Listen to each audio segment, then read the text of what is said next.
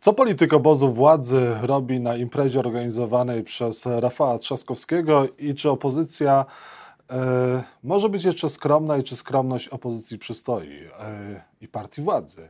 O tym innymi dzisiaj w programie Rzecz o Polityce. Jacek Nizinkiewicz, zapraszam. Doktor habilitowany Zbigniew Giżyński, poseł PiS, Polskie Sprawy jest z Państwa moim gościem. Dzień dobry, panie pośle. Kłaniam się, dzień dobry. Y, jaki jest pański status dzisiaj z Prawem i Sprawiedliwością? To skomplikowane? Nie, to jest bardzo proste. Nasza formacja polityczna, skupiona wokół koła Polskie Sprawy, podpisała koalicję z Prawem i Sprawiedliwością ze względu na trudną sytuację, w jakiej e, Polska znajduje się po wybuchu wojny na Ukrainie. Uznaliśmy, że odpowiedzialność za sprawy państwa powinna e, skłonić nas do tego, żeby w ważnych sprawach wspierać działania rządu, bo byłoby bardzo źle, aby sytuacja w Polsce była niestabilna, bo ona i tak nie jest e, dla nas korzystna. Natomiast jesteśmy odrębną siłą polityczną, nie wchodzimy w skład obozu tzw. Tak Zjednoczonej Prawicy, tylko jako koalicjant e, współpracujemy w określonych sprawach z naszym rządem. Czy pan wejdzie do rządu, bo pańscy koledzy z koła poselskiego Polskie Sprawy zasilili obóz władzy, mam na myśli pana Sośnierza i panią Ścigaj, którzy wcześniej byli bardzo krytyczni wobec Prawa i Sprawiedliwości i działań rządu, no, dostali państwowe posady rządowe i ta krytyka ucichła. E, po pierwsze, nie pan poseł Andrzej Sośnierz, bo pan poseł Sośnierz nie jest członkiem rządu, natomiast jest członkiem rządu pani Agnieszka Ściga i zajmuje się konkretnymi sprawami, e, które w trakcie naszych rozmów koalicyjnych zostały e, ustalone. To jest bardzo ważny obszar, obszar integracji społecznej, troski o ludność ukraińską, która znalazła się w granicach Rzeczpospolitej e, w wyniku wojny. To są ważne rzeczy, które chcielibyśmy pomóc rządowi. Za te kwestie pani minister odpowiada. Jestem przekonany, że będzie bardzo silnym wsparciem dla państwa polskiego, bo tak trzeba te kwestie traktować, e, w mm, tych e, trudnych dla nas wszystkich momentach, kiedy trwa wojna za naszymi granicami. No dobrze, a pan wejdzie w takim razie do rządu? Nie, nasze koło jest kołem skromnym. Reprezentacja, jaką e, stanowimy zarówno w parlamencie, jak i dzisiaj w rządzie, jest myślę, że wystarczająca. Ja zajmuję się dzisiaj e, budowaniem struktur naszej przyszłej partii politycznej, którą powołamy wiosną przyszłego roku, którą zamierzamy samodzielnie startować w wyborach politycznych, stanowiąc alternatywę e, wobec tego trawiącego polską politykę od wielu, wielu, wielu lat już jałowego sporu z jednej strony między e, Platformą Obywatelską, z drugiej strony między Prawem i Sprawiedliwością. Tym się zajmuję, właśnie jestem w Gdańsku gdzie ze współpracownikami będziemy powoływali e, kolejną komórkę klubu, klub e, Instytutu Jana Olszewskiego, stanowiącą takie merytoryczne zaplecze dla naszych działań w przyszłości. Pan powołuje nową partię prawicową, konserwatywną? My powołujemy partię, która ma na celu skupienie wokół siebie wszystkich ludzi, którzy są zdroworozsądkowo myślący, którzy chcą budować formację dla wszystkich, łączącą ludzi zarówno o poglądach konserwatywnych, jak i umiarkowanie liberalnych, zwłaszcza jeżeli chodzi o kwestię gospodarczą.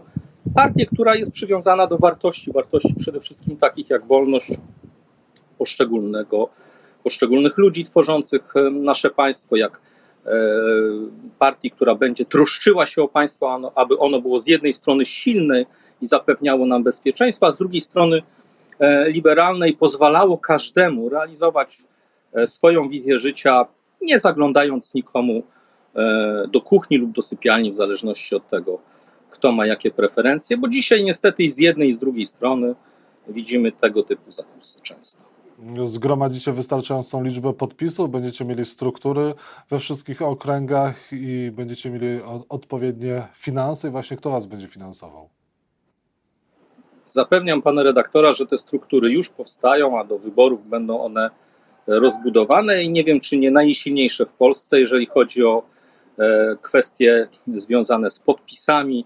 Te sprawy także nie są przedmiotem na ten moment e, jeszcze naszej troski, ale jestem również o to spokojny, ponieważ widzę, jak e, niczym grzyby po deszczu, mimo że pogoda jeszcze letnia, te poszczególne kluby zaczynają powstawać.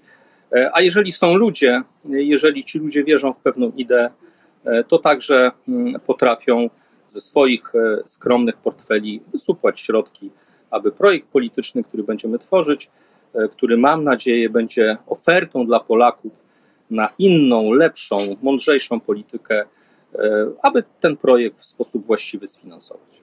Mm, a pani wiceminister Ścigaj czy pan poseł Sośnierz, który, który współpracuje z Prawem i Sprawiedliwością, e, będą współtworzyć z panem tą nową partię? Oczywiście, że tak. E, pani Ściga jest ministrem konstytucyjnym. E, pan Andrzej Sośnierz jest posłem. Rozmawialiśmy na ten temat wczoraj. Mamy w tym zakresie plan, podzielone zadania między sobą. Jestem przekonany, że będziemy wspólnie, ale także z wieloma innymi osobami, które dzisiaj jeszcze są poza polityką, e, jeszcze nie wychodzą na pierwszy plan, wspólnie tworzyli projekt, który e, odniesie sukces i będzie mm, taką ofertą, na jaką Polacy czekają, mam wrażenie, od dobrych 17-18 e, lat. W każdych wyborach taka formuła pojawiała się. E, Konfederacja, Nowoczesna, Kukiz, e, Ruch Palikota, LPR, Samoobrona to były takie siły powstające przy okazji poszczególnych wyborów. One najczęściej się nie utrzymały, ale było zapotrzebowanie na tego typu nowe ruchy. Naszą ambicją jest e, pokazanie, że ten ruch tym razem powstanie i stworzenie go w takiej formule, która zapewni mu trwałość na naszej scenie politycznej. Czy to będzie ugrupowanie w opozycji do Prawa i Sprawiedliwości, czy, i czy pan z Jarosławem Kaczyńskim na ten temat rozmawiał? To jest ugrupowanie, które przede wszystkim chce łączyć tych wszystkich ludzi, dla których e, kwestią kluczową jest dbanie o bezpieczeństwo e, Polaków, zwłaszcza w trudnych momentach. My nawiązaliśmy współpracę z Prawem i Sprawiedliwością w momencie, kiedy za naszą wschodnią granicą wybuchła wojna. Kiedy sytuacja, gdzie mamy rząd, mający większość w parlamencie dwóch, trzech głosów, e, gdzie sytuacja była taka, że przychodziły różnego rodzaju projekty i naprawdę ważne rzeczy mogły nie przejść jednym czy dwoma głosami, tylko na zasadzie takiej wojny, jaka u nas się toczy, że jak coś zgłasza rząd, to najczęściej wszyscy mówią nie, no bo jak są w opozycji, to jak mają mówić inaczej. To jest w tej sytuacji, która była rozwiązanie złe. I ta odpowiedzialność nakazywała nam i nakazuje nam E, współpracę z rządem w tej sytuacji, która się toczy za naszymi granicami. To nie oznacza, że jesteśmy we wszystkim zadowoleni z tego, co robi rząd. Gdyby było mm, dokładnie tak, to przecież wstąpilibyśmy do klubu Prawa i Sprawiedliwości, zasililibyśmy jego szeregi. Mamy własne ambicje. Jestem przekonany, że formuła, która jest formułą i znaną z historii Polski, ale i widoczną w innych krajach na świecie, że są formacje wspierające rząd, ale mające odrębność polityczną, startujące w wyborach pod własnymi sztandarami, jest czymś, co mm, zostanie docenione e, przez Polaków, e, widząc, że chodzi nam o to, aby wykorzystać ten ważny moment, jaki teraz się e, dzieje w historii Polskiej Europy Środkowo-Wschodniej, kiedy z jednej strony jest ogromne zagrożenie, ale z drugiej strony także wielka szansa przed Polską aby zmienić naszą sytuację geopolityczną. Panie pośle, po co pan bierze udział w kampusie Rafała Trzaskowskiego? Jest pan tam troszkę jak kwiatek do kożucha. Ponieważ zostałem zaproszony przez organizatorów, którzy e, podzielają moją opinię, że trzeba rozmawiać z sobą, trzeba szukać dialogu. Weźmie pan udział w panelu obok Sławomira Nitrasa czy Adama Bodnara, którzy byli niezwykle i są niezwykle krytykowani przez pański obóz polityczny. E, są krytykowani przez Prawo i Sprawiedliwość i sami także krytykują Prawo i Sprawiedliwość i jedna i druga strona ma do tego prawo, bo należy, jeżeli ma się inne poglądy, je artykułować. Ale to nie oznacza, że nie powinniśmy z sobą rozmawiać. Można oczywiście podzielić naszą scenę polityczną e, niczym e, plemiona w niektórych państwach, gdzie były wojny domowe i powiedzieć, że tu jest plemię Tutsi, a tu jest plemię Hutu, że posłużę się znanym sprzed laty i niezwykle krwawym konfliktem w Ruandzie, e, ale to doprowadzało w tych państwach, o których, w tym państwie, o którym wspomniałem, do wielkiej tragedii. My powinniśmy dzisiaj, zwłaszcza w obliczu tego, co się dzieje, szukać e, tych miejsc, gdzie możemy usiąść i przynajmniej porozmawiać, wymienić myśli, wymienić poglądy, a moja obecność tam jest także dowodem na to, że jesteśmy formacją szukającą porozumienia z każdym, bo być może nie uda się porozumieć we wszystkich sprawach. Ale jeżeli ze stu kwestii, które leżą na stole, ważnych dla Polski spraw, jesteśmy w stanie porozumieć się w pięciu, w dziesięciu, w piętnastu, może w dwudziestu, to już jest pewien postęp w stosunku do tego, co obserwujemy od y, ładnych kilkunastu lat, że jak e, Prawo i Sprawiedliwość powie A, to od razu Platforma Obywatelska mówi, że to nie jest A i odwrotnie. To jest zła polityka, my z taką polityką chcemy zwalczać. Ja sobie postawiłem cel w przyszłym roku, mm, to jest rok dla mnie taki ważny, symboliczny, będę kończył 50 lat, że albo w tej polityce jeszcze coś dobrego jestem w stanie zrobić, pokazać, że można inaczej, że można ją uprawiać w inny sposób, albo byłbym tylko takim kolejną kadencję kwiatkiem do kożucha, jak pan to określił, takiego czy innego obozu. Ja nie jestem zainteresowany tego typu byciem kwiatkiem dla kożucha, mam niezależną pozycję zawodową i stać mnie na to, aby spróbować, i zrobię to, e, powołać do życia politycznego obóz, który dokona pewnego zdrowego, rozsądkowego odmienienia na lepsze naszej polityki. Panie pośle, pan weźmie udział w panelu, e, jaki wpływ ma sfera religii na prawodawstwo, politykę rządu czy relacje międzynarodowe na kampusie e, Rafała Trzaskowskiego. Chciałem pana zapytać, czy papież zawodzi w sprawie Ukrainy?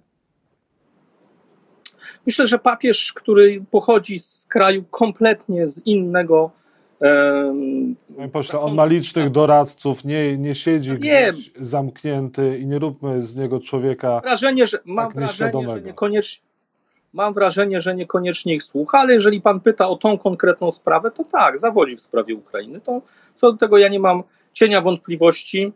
E, papież zgodnie z doktryną katolicką jest nieomylny w sprawach wiary i moralności kwestie wojny na Ukrainie nie należą ani do jednego, ani do drugiego i absolutnie w tej materii się myli. E, a czy myli się profesor Krasnodębski, który e, mówi, że większe zagrożenie dla Polski jest e, z zachodu niż ze wschodu? Myślę, że tak. Znaczy, to jest troszeczkę tak, że w zależności od jakiego kontekstu, bo nie znam kontekstu wypowiedzi profesora Krasnodębskiego. No to ja panu przeczytam cały kontekst. Ale, ale, ale, ale już odpowiadając, więc potrafię sobie wyobrazić, że gdy mówi, czy ma na myśli pewne trendy ogólnocywilizacyjne, to jeszcze rozumiem być może, że o to mu chodzi, ale z punktu widzenia bezpieczeństwa państwa, z punktu widzenia stabilności politycznej, to ja jednak dostrzegam te problemy na wschodzie, a nie na zachodzie. Ja jestem z punktu widzenia takiej myśli politycznej kimś, kto odwołuje się do Józefa Piłsudskiego. I kiedyś Piłsudski zapytany o to, kogo się boi bardziej, Rosjan czy Niemców, to było już po I wojnie światowej, ale jeszcze przed drugą, więc też nie mieliśmy tych doświadczeń, tragicznych doświadczeń niemieckiego zachowania w czasie II wojny światowej. Ale powiedział wtedy ważne słowa, że Niemcy e, prędzej czy później, mimo swoich problemów, które generują, e, potrafią wejść na drogę cywilizowanego, normalnego państwa. Natomiast Rosja to w pewien sposób i Wschód to w pewien sposób stan umysłu, który odmienić będzie niezwykle trudno. Więc jeżeli pan mnie pyta, z której strony jest większe zagrożenie dla Polski, to nie podzielam opinii profesora Krasnodębskiego, większe jest ze wschodu. A podziela pan y, opinię Przemysława Czarnka i uważa pan, że hit profesora Roszkowskiego powinien być e, dopuszczony do szkół? Czy ten, ta książka spełnia znamiona podręcznika y, dla dzieci i młodzieży? E, w mojej opinii nie. Ja sam uczyłem się z książek profesora Roszkowskiego. Ja również uczyłem się z książek profesora Roszkowskiego, również polecałem i zawsze uważałem profesora Roszkowskiego za dobrego historyka. I dokładnie pewnie mamy podobną opinię, ale ta książka, którą obecnie wypuścił, ma tą wadę, że do treści e, historycznych, faktografii, którą zaczerpnął z tych swoich wcześniejszych podręczników, bardzo dobrych skądinąd, o czym powiedzieliśmy obaj, dorzucił pewien ładunek swoich myśli na temat współczesnego świata, który zawarł w innej ze swoich książek, ciekawym felietonie, ale nie podręczniku. To jest książka Roztrzaskane lustro. Polecam skądinąd, bo to ciekawa lektura. Mm, ale to... Polecam rozdziały dotyczące muzyki, panie pośle. Polecam, bo, bo tam są, panie, panie pośle, tam są, tam są delikatnie mówiąc rzeczy, w których e, pan profesor. Nie, pan profesor mija się tam z prawdą w wielu przypadkach i tam są, tam jest masę błędów rzeczowych. Mogę wykazać panu punkt po punkcie. Bo akurat roztrzaskane lustro czytałem i kwestie kultury. Temat To, to po prostu panu profesorowi powinien nos jak Pinokiu wyrosnąć i powinien się czerwienić za te rozdziały dotyczące ale- kultury. ale podkreślam, że ja się nie znam na muzyce aż tak bardzo, żeby na ten temat rozmawiać. Natomiast znam się na tym, jak powinien wyglądać podręcznik. I o ile tamte podręczniki, o których obaj mówiliśmy, były i są wzorcowe, to ten podręcznik wzorcowy nie jest i w mojej opinii e, szkodzi ten podręcznik całej idei, żeby młodych ludzi uczyć więcej historii współczesnej, bo w naturalny sposób wywołuje sprzeciw. Ja nie dziwię się, że ten sprzeciw wywołuje. Druga e, kwestia to jest szkoda, jaką sam pan profesor zrobił sobie, będąc osobą o niekwestionowanym autorytecie, troszeczkę niepotrzebnie ten autorytet e, dzisiaj stawiając pod znakiem zapytania. I wreszcie kwestia trzecia. Młodzi ludzie to są ludzie, którzy są przyzwyczajeni do tego, że jak ktoś im coś narzuca, to z zasady się buntują. W związku z tym próba takiego na siłę rzeźbienia czyichś poglądów spowoduje to, że je się wyrzeźbi, ale dokładnie od drugiej strony. I w tych trzech wymiarach ten podręcznik po pierwsze nie spełnia tych kryteriów. Ja nie podzielam tutaj opinii ministra Czanka, e, a najgorsze jest to, że całej tej idei ważnej, podkreślam jako historyk zajmujący się wiekiem XX, szkodzi, bo zamiast uczyć ludzi XX wieku, to jeszcze ich do tego niestety zniechęcamy. I na koniec internauci mają do pana pytania, między innymi Jacek Harłukowicz pyta, dlaczego pan nie odpowiada na pytania Onetu o okoliczności zdobycia posiadanego dyplomu MBA. Z bardzo prostego powodu, bo nie jest to przedmiotem zainteresowania, nie powinno to być przedmiotem zainteresowania pana Jacka Rukowicza, z tego względu, że po pierwsze, dyplom, o którym on pytał, zdobywałem w trakcie, kiedy nawet nie byłem posłem. A on zadaje pytanie, dlaczego ja nie zgłosiłem potencjalnych korzyści, jakie mogłem z tego tytułu mieć, do rejestru korzyści. Jeżeli ktoś jest tak przygotowanym dziennikarzem, e, że nawet nie potrafi sprawdzić tego typu rzeczy. Jeżeli zada- zadaje pytanie, kiedy ja jakiś dyplom uzyskałem, jest to podane we wszelkich możliwych informacjach i na dodatek, a mówimy o dziennikarzu, który już wcześniej do mnie wysyłał różne pytania z podobnymi błędami, e, to nie jest dziennikarz, tylko to jest propagandysta, a ja nie mam... Myślę, jeżeli pan zakłada, ugrupo... Jeżeli pan zakłada ugrupowanie, k- którego celem jest dialog, to myślę, że z dziennikarzami również warto rozmawiać. A jeżeli ktoś Ale ja, błędy, to ja można, panu, je, to można je tylko sprostować lub wyst- wypada odpisać.